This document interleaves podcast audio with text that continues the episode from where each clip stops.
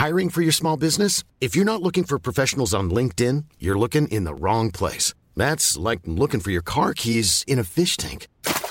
LinkedIn helps you hire professionals you can't find anywhere else, even those who aren't actively searching for a new job but might be open to the perfect role. In a given month, over 70% of LinkedIn users don't even visit other leading job sites. So start looking in the right place. With LinkedIn, you can hire professionals like a professional. Post your free job on linkedin.com slash people today. When people are happy with risk and embrace risk, then by definition, uh, prices go high.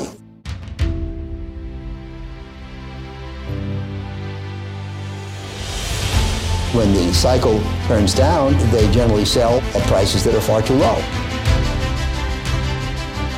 This is not about getting more information. We live in a world where we have too much data. I'm uh, happy to report another stable quarter. Hallå och varmt välkomna tillbaka till Aktiesnack. Det här är en podd som görs av och i samarbete med Kalkyl.se. Och eh, vad ska vi prata om idag Peter? Jag kommer gå igenom några spännande case och bolagsrapporter, till exempel då C-Limited, JD.com och Vertiseit. Och eh, vad ska du prata om? Det blir lite kryptosnack som är svårt att ha undgått någon senaste veckorna. Och sen så lite rapporter också som exempelvis eh, RakeTech, eh, Census Gatsu och eh, Awardit. Spännande, spännande. Och sen så vill jag också lämna en liten brasklapp innan vi kör igång för att min röst är lite sargad idag men vi kommer göra det absolut bästa vi kan utifrån, det, utifrån den situationen. Men eh, först ska vi höra lite från vår sponsor Pinpoint. Och eh, som ni vet vid det här laget så är det en plattform där du som privatinvesterare kan se dina aktiers rapporter. Förutsatt då att du har delat dina egna estimat. Pinpoint har snart överträffat sina egna förväntningar på antal investerarestimat för den här rapportperioden. 6000 estimat. De har också lanserat betaversionen av sin nya bolagssida som gör det lättare att lämna estimat. Och i den nya versionen så kan du bland annat se investerares precision för specifika bolag, men också globalt. Och vem tror ni kommer ha högst andel global precision av mig och Peter när kvartalet är slut? Ja men det där vet vi väl redan Magnus? det vet vi, det kommer vara exakt lika. exakt. Så stort tack till vår huvudsponsor Pinpoint. Stort tack. Och då går vi vidare och kör lite spaningar först. Och där är det ju förmodligen krypto som är på allas läppar de senaste veckorna. Och det är ju på grund av den här smått otroliga historien om FTX-bedrägeriet. Och jag tror att man redan nu kan konstatera att det här är någonting som lite som Enron, det kommer göras filmer, dokumentärer och böcker om under många år framöver. Och vi ska inte djupdyka supermycket i den här historien, men vill man ha en mer ingående genomgång så tycker jag att man kan lyssna på Market Makers senaste avsnitt. Där har de ett helt avsnitt om det här och det var en saftig och fin genomgång. Men eh, i grova drag så kan man ju säga att världens näst största kryptobörs FTX, eh, alltså lite som ett eh, Avanza för krypto kan man säga. De har helt enkelt bedragit sina kunder och förlorat alla pengar. Och eh, det intressanta här är att för några veckor sedan så var FTX värt 300 miljarder kronor. Alltså större än exempelvis Telia och SCA tillsammans. Så det är ju enorma summor som har försvunnit här. Och det är många kändisar som har eh, ja, inte skämt ut sig men eh, blivit lite till åtlöje när de hypat den här plattformen enormt mycket och så visade sig allting bara vara en stor bluff helt enkelt. Och det jag tar med mig framförallt från den här historien det är hur ofantligt stor del av krypto som verkar vara scams. Jag sa att i år så har det mer än tio gånger stulits bitcoin för över en miljard kronor. Alltså enorma belopp och det har varit över tio gånger. Och då har det antingen varit genom scams eller framförallt genom hackning. Och jag förstår bullargumentet för krypto. Att det ska vara någon sorts räddning mot eh, centraliserad makt och att man inte kommer få ett credit score system som i Kina och liknande. Men det här med att det är decentraliserat, det är ju också någonting som egentligen är ett bear case för att investera i det. För att det innebär att det är lite vilda västern, det är inga regleringar och det gör ju det väldigt riskabelt och lätt att bli utsatt för scams utan att kunna få tillbaka dina pengar. Så det är någonting som är väldigt viktigt att ha med sig. Att man måste verkligen ha stenkoll på var man har lagt sina pengar. Och hur det då kan påverka ifall det skulle bli några bedrägerier. Och sen är det också viktigt att komma ihåg det att man kan ju kringgå det här genom att lägga pengarna i exempelvis cold storage och liknande. Men det kommer ju förstöra kredibiliteten för krypto och för bitcoin om det blir en massa hackerattacker. Så även om de inte stjäler dina pengar direkt så kommer det ju sänka värdet och nyttan av bitcoin exempelvis när det visar sig att det är så enkelt att skämma folk inom den här sektorn. Just avsaknaden av regleringar, det har faktiskt gjort att det räckte för mig för att inte investera i krypto. Sen hade jag nog inte gjort det ändå eftersom att jag vill ju äga tillgångar som producerar kassaflöde som jag tycker att jag förstår. Men bara det tycker jag är en stor red flag för long term caset i krypto. Ja, men jag håller med och eh, det här med att de inte producerar några kassaflöden heller, att det inte är några reala tillgångar som ger riktig avkastning. Det tycker jag man har sett i år också med tanke på att det skulle vara en inflationshedge med krypto. Men det har det visat sig att det är det ju absolut inte. Det är ju någonting som gått otroligt dåligt i år när det varit väldigt hög inflation. Och det beror ju på det helt enkelt att om du har exempelvis ett företag och du äger aktier i det, då har ju de förmodligen några reala tillgångar, de kan höja priser, kassaflöden kan öka på så sätt. Och då skyddar det lite mot inflationen. Har du någonting som krypto som egentligen är helt omöjligt att säga vad det är värt? Vad, vad är bitcoin värt? Är det värt 500 dollar, 5000, 500 000? Jag har fortfarande inte sett något bra argument för varför det skulle vara värt något av dem. För att det finns ju inget underliggande realt värde i det här. Utan det är bara Exakt. någonting som man sätter ett värde på av sig själv. Sammanfattningsvis så kan vi väl säga att alltså krypto kan gå hur som helst framöver. Men man ska ju ta med sig det att det är ju en enorm risk i det. Det finns inga underliggande kassaflöden. Och jag avstår i alla fall från det på grund av det. Sen framförallt också den här psykologiska krockkudden som man kan ha om du faktiskt har en åsikt om, en, om ett bolags värdering. Den kan du inte riktigt ha i krypto. Det är därför jag tror också att många åker på det nu och att det faktiskt är väldigt volatilt för att ingen kan investera i krypto och ställa sig på en gedigen analys av värderingen på det. Så då tror jag att många faktiskt tvivlar på sin egen investeringstes när vi ser den volatiliteten som har varit nu. Absolut, och dessutom så ska man komma ihåg det att det kanske finns bra teknik bakom krypto som kommer att användas under hundratals år framöver. Men det betyder inte att några enskilda kryptovalutor är en bra investering. Precis så. Så det är viktigt att ha med sig. Så det var lite take om krypto. Men eh, nu ska vi gå vidare till bolag istället. Och då har vi eh, Awardit som har kommit med rapport. Omsättningen var ungefär i linje med estimaten från Pinpoint. Men man missade på ebit med ungefär 40%. Och vi har ju pratat en del om awardet i den här podden. Framförallt efter katastrofrapporten i Q1.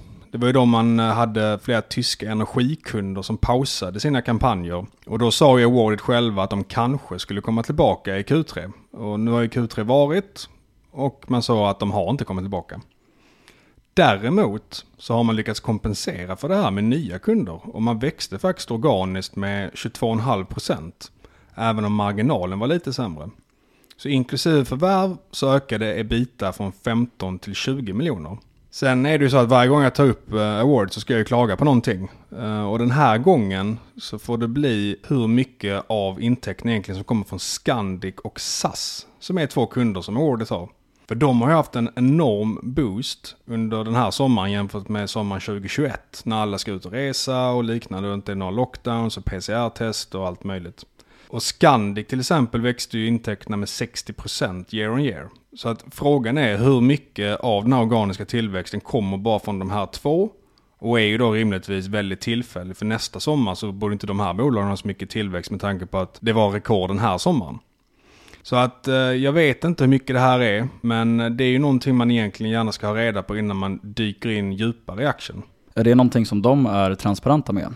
De är ju inte det. Och det hade ju varit väldigt behändigt om de varit det tycker jag. Varför tror du att så mycket av topline kommer från just Scandic och SAS då? Jag vet att det har gjort det historiskt, men sen så frågan är ju hur mycket det är. Och den har ju blivit mindre med alla förvärv de har gjort, så det behöver inte vara supermycket. Men den där osäkerheten vill man ju veta liksom. Precis, instämmer. Men eh, trots det så har jag faktiskt köpt in en liten minipost i awardet. Jag tycker ändå att eh, man har bevisat med den här tyska verksamheten att den är inte helt beroende av de här energikunderna. Man har en väldigt fin historisk tillväxt, värderas till 10 gånger rörelsevinsten och framförallt så har de här pinsamma insiderförsäljningarna i våras nu bytts ut mot lite insiderköp senaste tiden. Så att jag kommer inte lägga det här som någon riktig position egentligen, men eh, ha det som en bevakningspost till värderingen kommer ner mer eller jag får mer klarhet i hur intäkterna är fördelade. Tidigare så har jag för mig att du pratade mycket om förtroendet till management när de här lustiga insidertransaktionerna skedde. Hur resonerar du kring det idag? Är det någonting som du har släppt lite på då? Det håller jag med om ändå, men eh, jag tycker money talks lite. Att de har ju börjat göra rätt mycket insiderköp nu. Och det visar ju att bolaget förmodligen har mer tro på hur det kommer gå framöver. Så det är ändå det, det viktigaste mig, mer än vad de säger, är hur de agerar. Som Taleb säger, han säger ju att insidertransaktioner och insiderägande är det bästa riskmåttet. Sant, sant, sant. Eh, sen har vi också affiliate-bolaget RakeTech som vi pratat om tidigare i podden. Och de kom med Q3-rapport den eh, 10 november. Och sammanfattningsvis så kan man väl säga att det var en ganska odramatisk rapport som kanske var något svag gällande guidningen. Men jag tycker inte det förändrar caset på något sätt och jag är fortsatt positiv till aktien. Och när man kollar på hur det kom in jämfört med Pinpoint-estimaten så slog man nettoomsättningen med 7% och ebit med 5,8% och aktien gick upp lite på rapporten också. Men som sagt, guidningen var lite svag. Och kollar man då på hur det gick mot året innan så växte man med 35%, 14% var organiskt och man ökade ebitda från 4,4 till 4,8 miljoner. Miljoner euro eller? Miljoner euro, det är sant. Eller euro, det är vilket som. Men intäkterna i USA verkar ha varit lite lägre än vad RakeTech hoppades på. Och det beror på att primärt så är intäkterna i denna region relaterade till bettingtips. Så det innebär att man har en modell där man ger sporttips och sen som tipsen slår in så får man betalt. Och det blir ju lite som en sportboksmarginal egentligen för bettingbolag. Och de här intäkterna är ju då väldigt volatila i sin natur beroende på hur det går i de här matcherna helt enkelt. Så det leder till att man sänker sin prognos för marginalen för helåret 2022 till slightly under 40% istället för den gamla prognosen på 40 till 44. Så det är den lite negativa delen av rapporten men det är ingenting att oroa sig för i min bok egentligen. Och sen så marginalen den gått ner lite också. Det är ju en positiv faktor också som ligger bakom det. Och det är att man har ett nytt ben som växer nu som har lite lägre marginal men det växer fint. Och det är Affiliation Cloud. Och det är egentligen att man lånar ut sin infrastruktur som man har om exempelvis regleringar, olika jurisdiktioner och så vidare till andra bettingbolag. Och då kan de använda det som en sorts SaaS-lösning. Och det har växt så bra så att man har behövt anställa fler folk och det är också tärt och lite på marginalen. Så det är också positivt, speciellt med ett bolag som RakeTech där det kan vara väldigt slagiga intäkter, att man har något mer stabilt ben att stå på nu i form av en SaaS-modell. Och sen så ytterligare en positiv faktor som jag ser, som i och för sig har varit känd sedan tidigare, men det är att deras stora förvärv Casinofeber kommer ha fått sina sista earnouts i februari nästa år. Och det är en relativt stor summa och kommer göra att det fria kassaflödet bättre matchar hur dagens ebitda ser ut. Och med tanke på att RakeTech idag värderas till EV-ebitda 4 så kommer det förhoppningsvis åskådliggöra värde för investerare som då ser att kassaflödena kan vara väldigt bra liksom ebitda. Och sen så avslutningsvis så varje gång jag pratar med affiliate så vill jag nog lyfta upp det att det är ju en ganska knepig verksamhet och det är ju anledningen till att multiplarna är så pass låga. Man ska ju ha med sig det. Det kan komma regleringar som slår väldigt hårt, det är dålig insyn, mycket oreglerade intäkter och så vidare. Och man sitter dessutom helt i knäna på hur operatörerna bestämmer sig för att agera. Men jag tycker att RakeTech diversifierar sig bort från att ha väldigt stort beroende av ett fåtal aktörer, fåtal länder. Och jag tycker att man är ett mycket bättre bolag än vad exempelvis eh, storebron Catena Media är. Som minskade justerade ebitda med 29% det här kvartalet. Medan RakeTech då alltså växte ordentligt istället, 14% organiskt. Varför gillar du eh, RakeTech bättre än Catena? Ja men det är historien eh, helt enkelt. Jag känner att RakeTech är ett lite mindre och hungrigare företag som kontinuerligt kvartal efter kvartal visar bättre siffror, bättre tillväxt än vad Catena Media gör. Och jag tycker att de betalar mindre för sina förvärv, deras förvärv verkar gå bättre. Och jag tycker faktiskt att man inte borde ha någon premie till Catena för att de är större, man borde snarare ha en premie till RakeTech för att det är ett bättre bolag. I min bok i alla fall. Mm. Och sen så slutligen, en faktor som talar lite för RakeTech, det är att de är ju performance marketing. Så de får ju bara betalt om deras marknadsföring leder till intäkter för kunden, alltså operatören. Så att i tuffare tider så kan man ju tänka sig att man vill i större utsträckning ha den typen av marknadsföring där man inte betalar någonting om inte marknadsföringen leder till någonting. Istället för att exempelvis betala jättemycket för att ha en reklam där Matt Damon går och håsar någonting eller sätter upp en billboard på Times Square då kan man inte riktigt mäta hur bra utfallet har blivit av kampanjen helt enkelt. Så det var det om RakeTech. Sen har vi också Ferroamp som jag bara tänkte nämna lite kort. Och det är ju det här bolaget som säljer eh, mackapärer för att effektivisera ens elanvändning. Deras rapport kom in under förväntningarna från Pinpoint. Omsättningen var 15% lägre.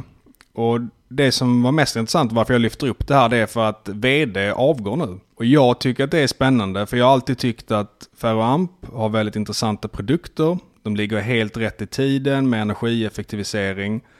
Men de har aldrig lyckats få igång någon bra marginal på sina produkter. De har en bruttomarginal som är på drygt 20% medan Garu, som inte gör exakt samma sak men ändå också håller på med den här elektrifieringen av samhället, har 46%. Och om det är så att Ferroamp skulle kunna få en bra bruttomarginal så har man en väldigt hög tillväxt som man borde kunna hålla under en väldigt lång tid.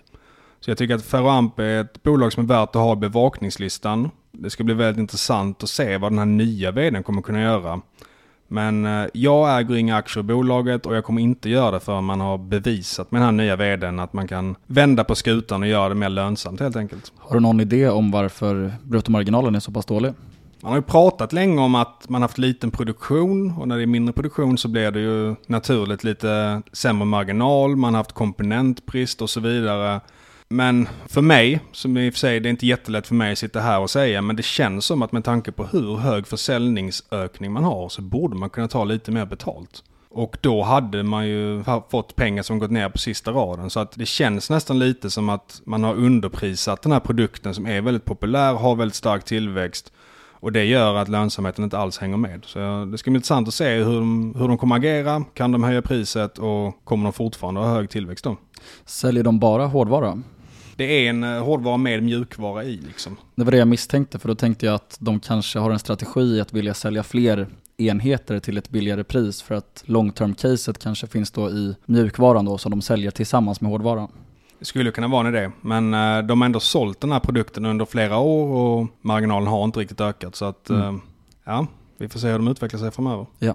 Och sen uh, har jag en liten kommentar om Sensus Gatsu också, som vi pratade om för några veckor sedan. De fick den här gigantiska ordern från Trafikverket. Vi pratade ju då om att de har tuffa jämförelsekvartal nu i Q3 och att det kunde vara lite risky på kort sikt. Jag nämnde också att om aktien går upp lite inför rapporten så kommer jag kanske sälja av. Och aktien gick ganska bra inför rapporten. Jag sålde av och eh, det var en jävla tur för det var en riktig kalldusch den här rapporten. Man minskade omsättningen från 130 till 95 miljoner och ebit från 28 till minus 4.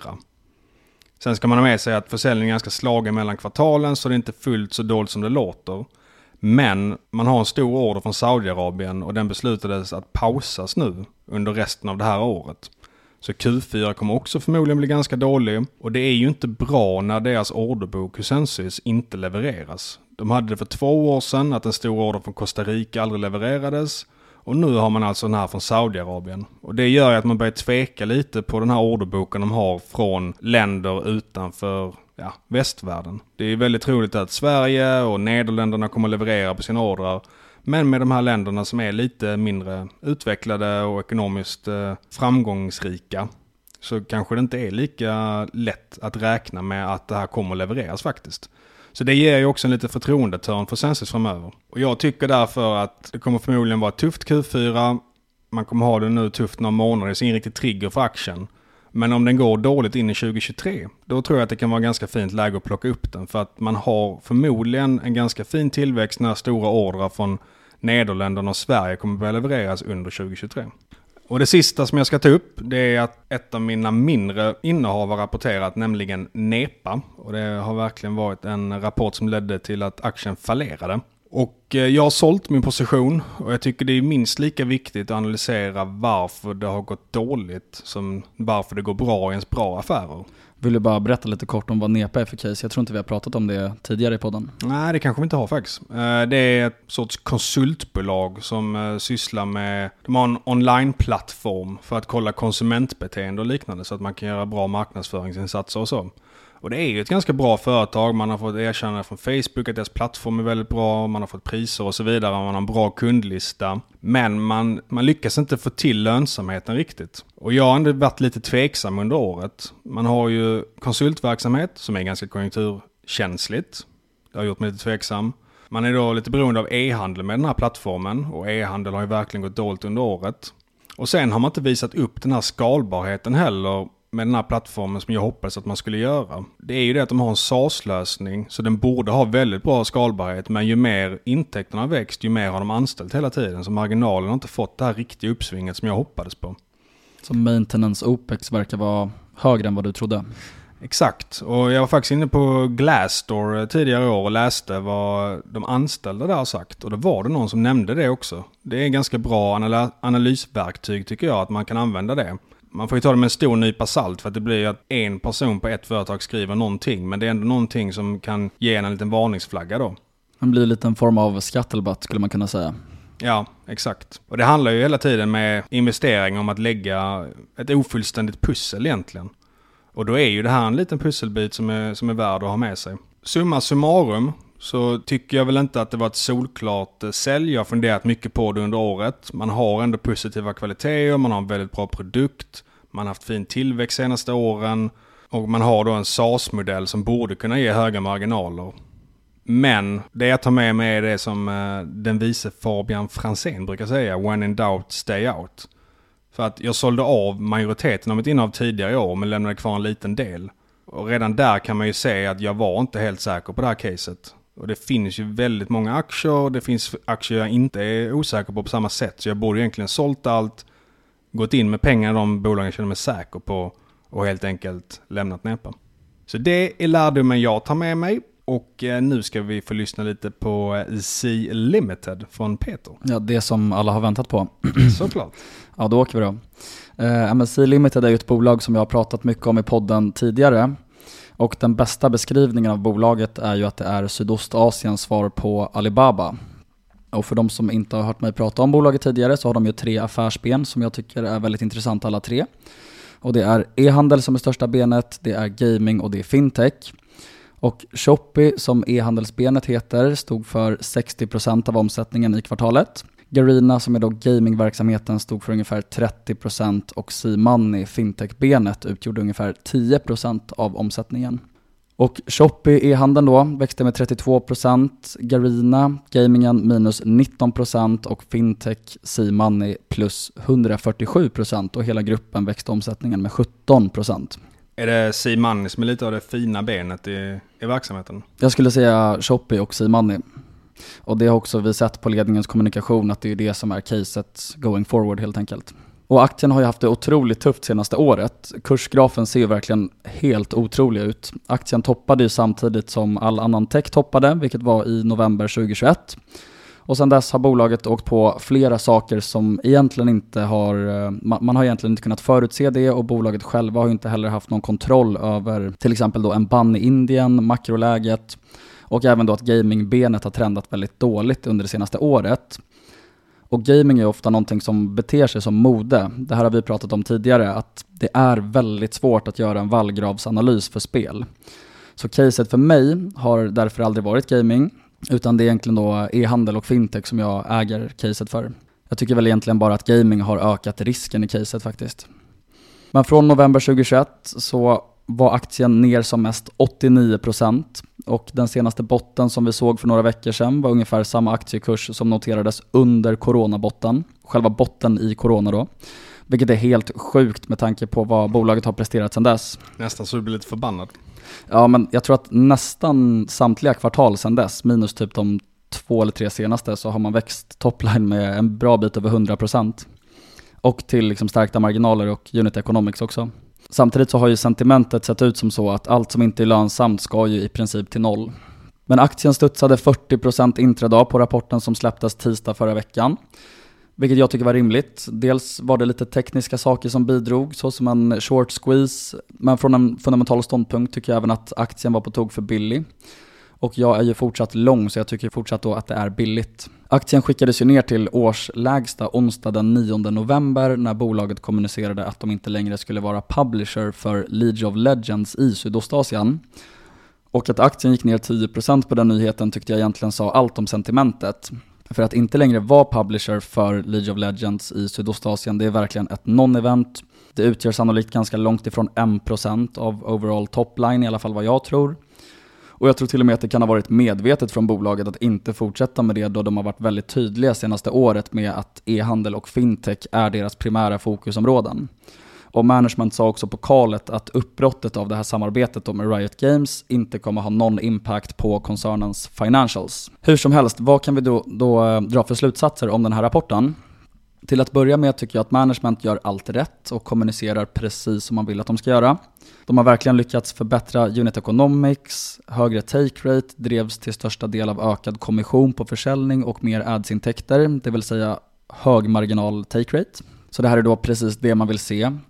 För take-raten består ju vanligtvis av flera komponenter, såsom provision på försäljning, det är ads, det är payments och det är logistik. För närvarande kommer majoriteten av SIS take rate från logistik och payments och de har ju då en tillhörande kostnad vid försäljningen som nästan helt täcker intäkterna så att de genererar inte så mycket marginal.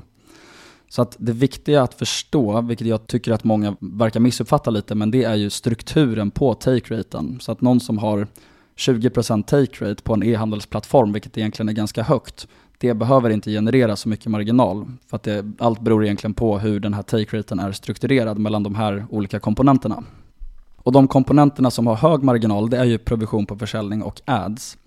Och enligt management eh, var det då de här komponenterna som stod för mest tillväxt i kvartalet, vilket såklart är väldigt bra.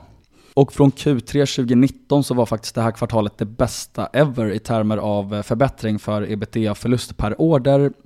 Och det var också den högsta ökningen av take rate någonsin i bolagets historia mellan två kvartal. Vet du om de har haft lite det som taktik att få upp väldigt hög försäljning och sen lägga på mer ads och liknande eller hur har det sett ut där? Ja, så skulle jag absolut säga. Det, allt tyder på det. De har ju faktiskt väldigt mycket GMV, alltså plattformen är väldigt stor. Jag tror att om man jämför Mercado Libre som då huserar i eh, sydost, eller Sydamerika så har Shopee ungefär dubbelt så mycket GMV men de har mycket lägre take rate. Så de har egentligen bara försökt bygga ett jätteekosystem och nu har de då skiftat fokus till att de ska börja monetarisera det här väldigt kraftigt. Då. Och de var också väldigt tydliga på kalet med att lönsamhet och monetarisering nu är egentligen allt de fokuserar på och ett väldigt talande citat från Karlet var GMV growth will be an output until we get to that point. Alltså en output innan de når lönsamhet då. Så budskapet är ju verkligen supertydligt här. Och två saker som var väldigt viktiga för mig och som jag också tror att marknaden gillade var att de nu flyttar målet om att Shopee ska gå med ebitda break-even till 2023 och tidigare så var det här målet satt till 2025, så de tidigare lägger det här målet med två hela år, vilket också säger mycket då om hur snabbt de faktiskt marscherar mot lönsamhet. Utöver det här så eh, kommer faktiskt management inte få någon lön förrän bolaget är lönsamt, vilket också är jäkligt snyggt. Känns lite Asian-style över det. så väldigt ruthless. Eh, men det här säger egentligen allt om hur fokuserade de faktiskt är på att skapa aktieägarvärde också. Så det här är ett såklart väldigt unikt drag och ett väldigt kraftigt statement till aktiemarknaden tycker jag. Och det här älskar jag som aktieägare, det vill säga ett management som visar med väldigt kraftiga handlingar då att deras primära uppgift är att skapa just shareholder value. Så varför gör man allt det här då? Ja men det är ju såklart för att priset på pengar har blivit så jäkla mycket dyrare under det senaste året. Skulle bolaget behöva ta in nytt kapital på dagens aktiekurs så skulle det ju späda ut befintliga ägare ordentligt. Sen finns det ju såklart en liten risk att man går i konken också om man inte är lönsamma och man behöver nytt kapital och inte får det. Lyckligtvis så gjordes en nyemission i september 2021, alltså precis innan toppen då, och då fick man in 6 miljarder dollar cash på 318 dollar per aktie. Och i hindsight så tycker jag att det här faktiskt kan betraktas som ett genidrag. You raise eh, money when you can, not when you need, eller vad säger du Magnus? Ja men det är helt sant, jag håller med dig. Det är lite motsatsen till eh, smart eye. Ja, det kan man definitivt säga. Men det här påminner ju väldigt mycket om Amazons nya mission som de gjorde nära toppen av IT-bubblan faktiskt. Och det sjuka är att Amazon troligtvis inte hade överlevt om de inte gjorde det. Så tänk liksom att ett beslut kan vara så vitalt. Och att utan den emissionen så kanske inte vi hade vetat vad Amazon var idag. Och då hade inte mina favoritböcker och min största förebild hade ju heller inte funnits. Eller han hade ju levt men hade inte varit samma karaktär. En annan viktig sak som kom fram under kalet var ju också att de sa att de tror att de inte kommer behöva nytt kapital och att man även kommer kunna täcka de här konvertiblerna som finns och fortfarande då vara net cash. Så det, var, det var många sådana här detaljer som var väldigt talande, eh, de var väldigt liksom optimistiska kring balansräkningen overall och deras lönsamhet. Så det återstår ju såklart att se om de löser det. Men de skickade i alla fall väldigt många signaler till aktiemarknaden om att det går åt rätt håll. Och det som är extra spännande här tycker jag är att alla de här cost savings som eh, jag har rabblat upp här tidigare och det här extrema fokuset på lönsamhet, trots att de har gjort det då så eh, menar ju sig själva att de fortsätter ta market share i Sydostasien som är bolagets huvudregion. Och det här stämmer ju väldigt bra överens också med den datan som finns tillgänglig. Så tittar vi till exempel i Alibabas rapport som publicerades i torsdags, då ser vi att eh, deras internationella e-handel som till stor del då består av just Lazada som är ett dotterbolag till Alibaba. Då ser vi helt enkelt att Shopee går väldigt, väldigt mycket bättre än Lazada. Sen så får vi inte jättemycket data på bara Lazada för att de eh, rapporterar då som sagt den internationella e-handeln där även då AliExpress ingår som har närvaro i både Europa och Sydamerika till exempel. Hur som helst då så växte ju Alibabas internationella e-handel med 3% mot Shoppis 32% för omsättningen och då omsätter även Shopee mer i absoluta tal så att skillnaden var ju väldigt, väldigt stor. Och Lazada minskade även antalet orders year on year och det här var ju faktiskt särredovisat då för just Lazada så där vet vi att det bara gäller Lazada. Och Shopee ökade ju antalet orders year on year med 18% och det här är då som sagt den närmsta konkurrenten de har. Så att det går verkligen bra för verksamheten trots att de gör alla de här besparingarna. Det är en viktig detalj. Kunna ta marknadsandelar samtidigt som man ökar lönsamheten. Precis, det säger väldigt mycket tycker jag om hur stark businessen är. Och de hade ju också samma time spent i appen trots att man har gjort de här besparingarna. Till exempel, alltså de har ju skärt ner ganska mycket på marketing. Däremot så kan ju faktiskt marknadsföringskostnaderna ha en viss laggande effekt. Det vill säga att om man skär ner på dem i ett kvartal så kanske inte det syns förrän som två eller tre kvartal till exempel. Men för att summera caset och gå in lite på värderingen också så har vi ju ungefär två och en halv gånger sales för det här bolaget som sannolikt också blir lönsamma inom ett och ett halvt år utan ytterligare utspädning, vågar jag hävda.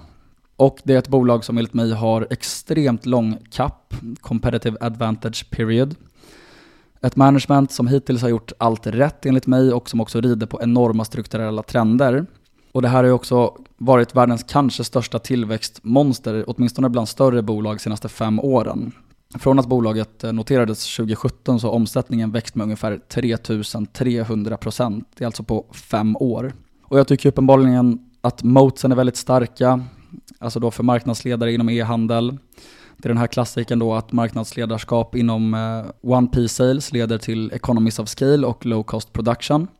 Och då har vi till exempel då Walmart, Costco, Amazon, Mercado Libre och så vidare.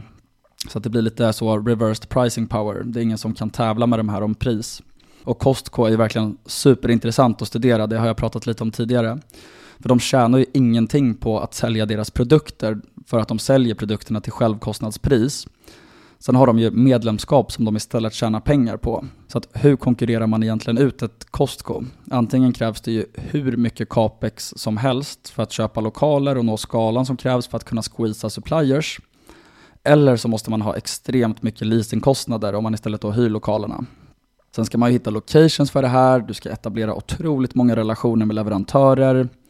Och online retailers jobbar ju egentligen med exakt samma modell fast den istället sker online, vilket gör den mer skalbar. Och jag tycker egentligen att Buffetts eh, klassiska citat är otroligt passande för de här online retail-kedjorna. Det är det här “If you gave me 100 billion and said take away the soft drink leadership of Coca-Cola in the world, I'd give it back to you and say it can't be done”. Och det är precis det här jag tycker om att äga, det vill säga bolag som, som har long cap, alltså competitive advantage period, som egentligen ingen kan tävla mot. Och om vi också tittar på alltså third party sales som kanske är lite mer accurate för just Shopee så leder det såklart till enorma nätverkseffekter. Och då har vi då i min mening Tmall och Taobao som kanske är det bästa exemplet och den bästa peeren då för Shopee. Och på temat online retail så tänkte jag också prata lite om JD.com. Och det här bolaget har jag inte pratat om tidigare i podden, så jag kan dra en kort eh, förklaring om vad de gör bara. Det är en kinesisk online retailer som har eh, Amazon och sydkoreanska Coupang som närmsta peers. Och här har jag ägt lite aktier fram och tillbaka senaste fem åren. Jag tycker att bolaget är så jäkla intressant just av de här anledningarna som jag rabblade innan då. För det de gör i Kina det är egentligen exakt det som Walmart och Costco har gjort i USA och det som Amazon nu gör i USA också. Och det som egentligen sker här, om man ska gå in på lite detaljer, det är att de fokuserar på att göra kostnaderna mindre, som de i sin tur då passar över till konsumenterna genom lägre pris, vilket driver mer tillväxt. Tillväxten gör i sin tur att mer omsättning då kan genereras över mindre fasta kostnader då, som, alltså i relation till topline vilket då reducerar kostnad per enhet, vilket möjliggör mer prissänkningar. Och så bara snurrar man runt det här flywheelet hela tiden egentligen. Hur likt är det här eh, Alibaba? Så att du inte hade med dem som en eh, konkurrent, snarare Amazon? Ja, alltså Alibaba är ju egentligen third party sales fokuserade. De gjorde ett stort förvärv av eh, en logistikjätte som heter Chaoniao, som egentligen är den enda logistikkonkurrenten till JD i Kina.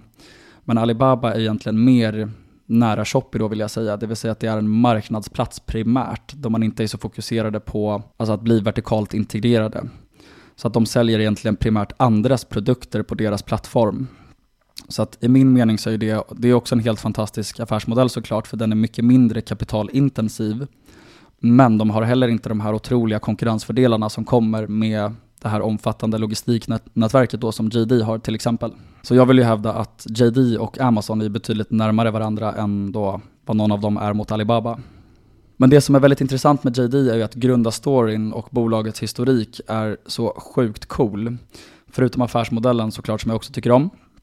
Men grundaren Richard Liu kommer från en superfattig by i Kina. Han hade ingenting som liten och han var supersmart. Han skårade högst i hela den regionen där han bodde på Kinas motsvarighet till SAT.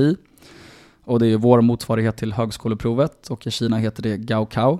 Och Gaokao är ju för övrigt betraktat typ som heligt i Kina. Det anses ju av de flesta vara den absolut viktigaste händelsen i ett barns uppväxt.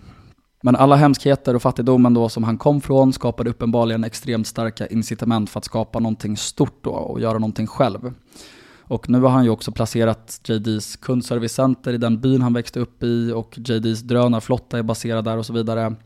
Och eh, de som känner till entreprenörstories från Kina, de eh, märker märker också att det här liknar väldigt mycket Jack Ma's story, alltså Jack Ma som har grundat Alibaba då. Men jag ska inte bli för långrandig om, eh, om de detaljerna. Jag tänkte fokusera lite mer på just bolaget och Q3 idag. Och Q3 släpptes i fredags. Eh, och som jag var inne på då så är ju JDs nisch att de har det största och mest effektiva logistiknätverket i Kina. Och för att förstå det här på ett bra sätt tycker jag att citatet från vdn på JD Logistics är bra. Han sa förra året att JD Logistics är som AVS för Kinas supply chain. Och det är viktigt att förstå att JD gör ju precis allt inom logistik. Det är ju lagerhållning, last mile delivery, transport och så vidare. Och det här nätverket består alltså av ungefär 80 000 lastbilar, 1500 warehouses som sammanlagt då består av 30 miljoner square meters det är massa drönare, de har över 200 000 anställda bara inom logistik.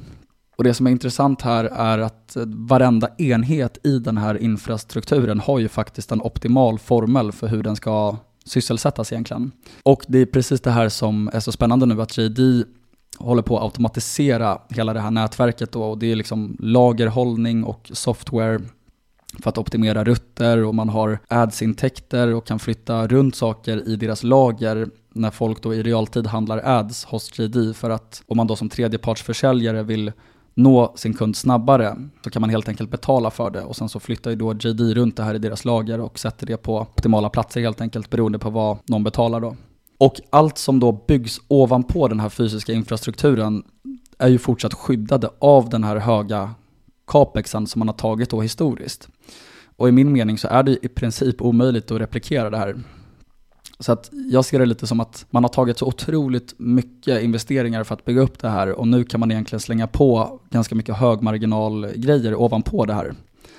Och det skulle jag faktiskt vilja benämna som min favorittyp av moat. Det vill säga att du har en fysisk infrastruktur och sen så kan du bara lägga någonting skalbart och väldigt lönsamt ovanpå det. Och en intressant grej jag kollade upp också det är att JD faktiskt har 25% högre revenue per anställd jämfört med Amazon. Och då har faktiskt Amazon också 16% av sin omsättning från AVS som är då betydligt mycket mindre personalintensiv. Och då kan man väl anta också att Amazon har betydligt högre kostnad per anställd än vad JD har med tanke på att det är Kina mot USA. Exakt, så att i termer liksom av effektivitet också på logistiknätverket så verkar det ju som att JD har kommit en ganska bra bit eh, längre än Amazon faktiskt.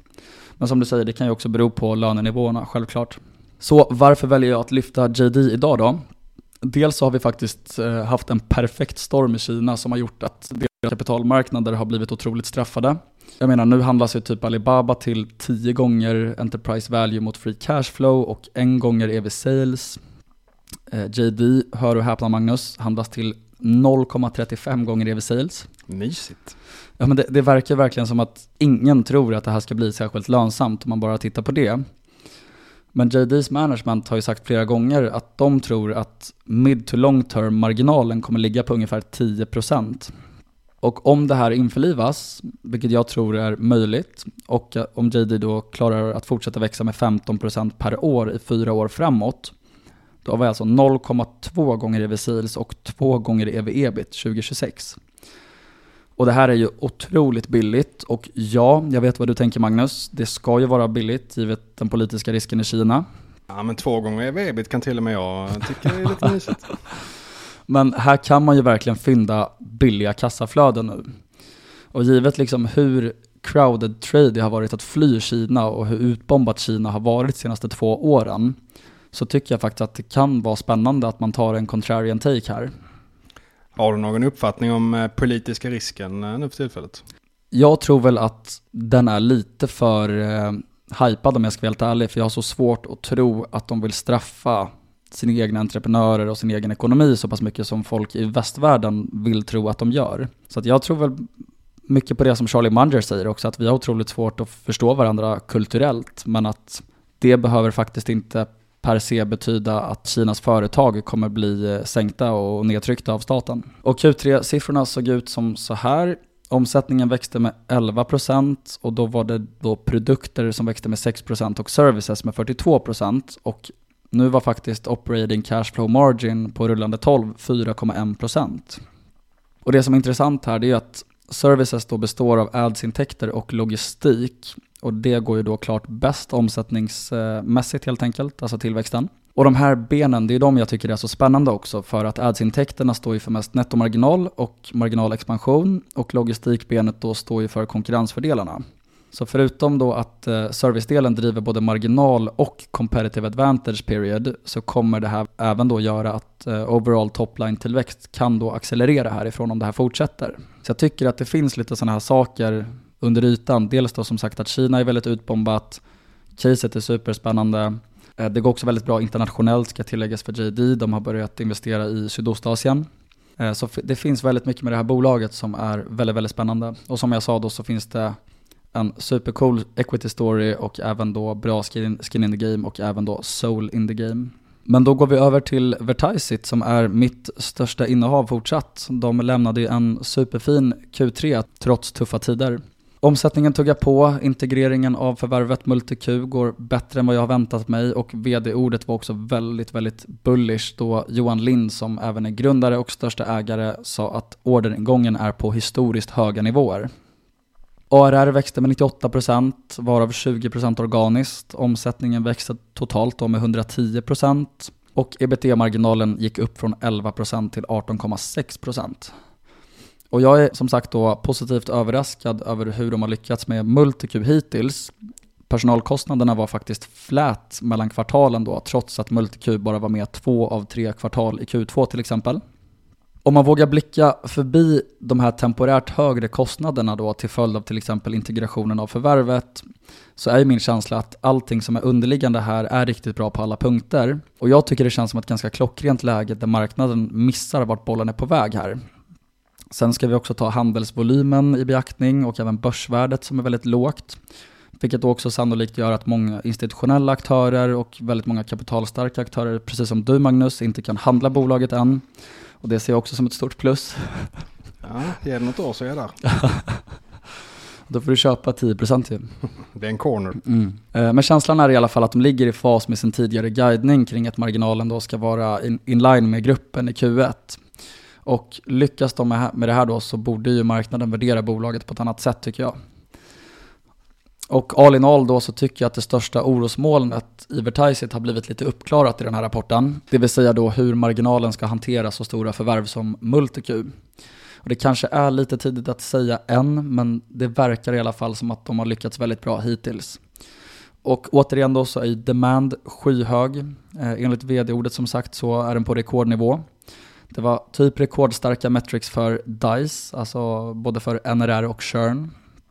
Och eh, det här är då de enda SAS-intäkterna som särredovisas idag. Och i Q1 2023 så kommer Vertiseit börja redovisa SAS metrics för hela koncernen. Så då kommer marknaden få mycket mer visibilitet i caset också. Och om man ska nämna någonting negativt så tycker jag att ledningen inte kommunicerar helt rationellt kring de uppsatta målen. Nu kanske jag är lite hård här. Senast idag så hörde jag Johan då som är vd i en intervju med Redeye där han sa att de kommer börja prioritera ebitda-marginalen för att de ska då närma sig målet om 30% ebitda-marginalen 2024. Och han sa också att de kommer titta på bolag som är lite mer lönsamma när de letar efter förvärv för att inte då motarbeta ebitda-marginalmålet för 2024. Och det här tycker jag är lite fel sätt att tänka på tyvärr. För 2024 det är ju ingen slutdestination för bolaget, så att om ebitda-marginalen kommer in på 24 eller 30 procent, det spelar ju egentligen väldigt lite roll i det långa perspektivet. Det jag egentligen hade velat höra här och något som i min mening hade varit mycket mer förtroendeingivande, det hade ju varit om Johan sa någonting i stil med att de fortfarande är optimistiska till att nå marginalmålet, men att om de bedömer att bolaget långsiktigt skulle må bättre av att fortsätta investera mycket internt eller då att göra förvärv till hög eh, return on invested capital och även då hög ROIC i jämförelse med andra investeringar då så kommer de prioritera det framför det uppsatta målet 2024. För det är egentligen så jag tycker att man bör resonera. Så de är lite för kortsiktiga i tänket istället för att kolla mer på skapa värde långsiktigt? Ja, alltså bara för att man har satt upp ett mål för 2024 så tycker inte jag att man bara bör fokusera på det. Utan jag tycker att det alltid bör vara långsiktigt värdeskapande i fokus. Det är egentligen samma sak med topline, att man ska ju till exempel inte förvärva ett bolag för att nå sitt, sin topline guidance bara för den sakens skull. Utan jag tycker att det alltid ska vara långsiktigt värdeskapande i fokus. Och det var ju lite det som jag blev lite skeptisk till när jag hörde det här helt enkelt. Håller du med Magnus? Ja, men du har ju en, eh, en poäng definitivt. Sen är det ju alltid som vd, man känner ju pressen att leverera på de kortsiktiga målen, men Mm. Det är som du säger, det långsiktiga värdeskapandet är det som betyder något egentligen. Sen kan jag dock tänka mig att de skulle också kunna resonera lite så att om de tänker att kapitalmarknaden vill se att de närmar sig marginalmålet så kan ju också aktien faktiskt uppvärderas på det, vilket i sin tur gör det lättare för dem att göra nya förvärv. Så det skulle också kunna vara ett resonemang som de för. Ja men det är sant, när det är ett förvärvsbolag så blir dynamiken lite annorlunda. Ja precis, för då har du en beroendeställning till kapitalmarknaden. Och den har ju, som alla vet om då, har ju den ju blivit straffad liksom på alla punkter. Vi har ju högre räntekostnader om man lånar och ska förvärva. Alltså priset på aktier har gått ner väldigt mycket, även då för Vertiseit. Så att om de trycker nya aktier och ska förvärva med det så blir det dyrare helt enkelt för befintliga ägare. En sak som jag dock gillar mycket när det kommer till deras corporate communication, det är att de verkligen är supertydliga med att de vill sälja det som har mest potential att då generera mest intäkter över tid och ge mest kundnytta till så liten insats från dem själva som möjligt. Och de brukar också benämna Salesforce som eh, förebild här. Och det här tycker jag faktiskt indikerar att management vet att det handlar om att skapa då så hög ROIC som möjligt över tid då. Och det är precis det här man vill höra. Och om man kollar lite snabbt på värderingen då och om vi bara tar SAS-intäkter i beaktning och antar 35% ebitda på det, givet att då gross margin är faktiskt 95% för SAS-intäkterna och då att hela koncernen faktiskt ska ha 30% ebitda bara om två år. Och det här är de ju fortsatt optimistiska till som sagt. Då har vi ungefär 144 miljoner i topline 2022 för SAS och 12 gånger ebitda 2022 då för SAS only helt enkelt. Och jag tycker faktiskt att de här finansiella målen är ett ganska rimligt base case för Vertiseit. Och då, då, har vi runt 400 miljoner då i topline och runt 120 miljoner i ebitda. Och det här ger då 1,3 gånger försäljningen och runt 4,5 gånger ebitda då två år ut. Tror du de kommer behöva någon sorts uh, utspädning eller liknande för att göra förvärv för att nå det här eller kan de göra det för egen maskin? Alltså bara med organisk tillväxt som de har just nu så kommer de ju nå deras ARR-mål. Och då kommer de ju ungefär ligga på 400 miljoner i topline 2024. Så att jag tror att man kan lösa det utan att förvärva. Sen tror jag faktiskt att man kommer göra det ändå för att historiskt har man ju faktiskt förvärvat på ett så framgångsrikt sätt. Sen beror det på lite som sagt vad som händer med, med kapitalmarknaden. Det vill säga vad Vertisits egna aktiekurs står i och vad de får för lånemöjligheter.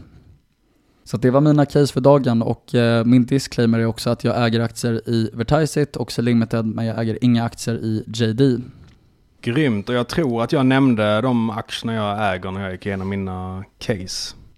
Det är ju absolut ingen rådgivning eller rekommendation i den här podden, det är viktigt att komma ihåg. Och eh, det här var ju ett lite rapportavsnitt, det blir det nästa vecka också. Sen i december så kommer vi ha några riktigt spännande intervjuer. Så då tycker jag att man ska lyssna in på det. Och med det sagt så ska jag också nämna att eh, alla de här svenska bolagen som vi nämnt i dagens avsnitt, de finns ju också på Pinpoint. Så glöm inte att eh, testa på den nya bolagssidan och länk till eh, Pinpoint finns i bion till avsnittet. Så stort tack till vår huvudsponsor Pinpoint Estimates. Och så ses vi igen nästa vecka. Jag tror att vi hörs igen nästa vecka. Absolut. Eller pratar du med mig? Vit process. Ja, vi hörs igen nästa vecka allihopa. Ja. Tack för att ni har lyssnat. Ciao, ciao! Hej!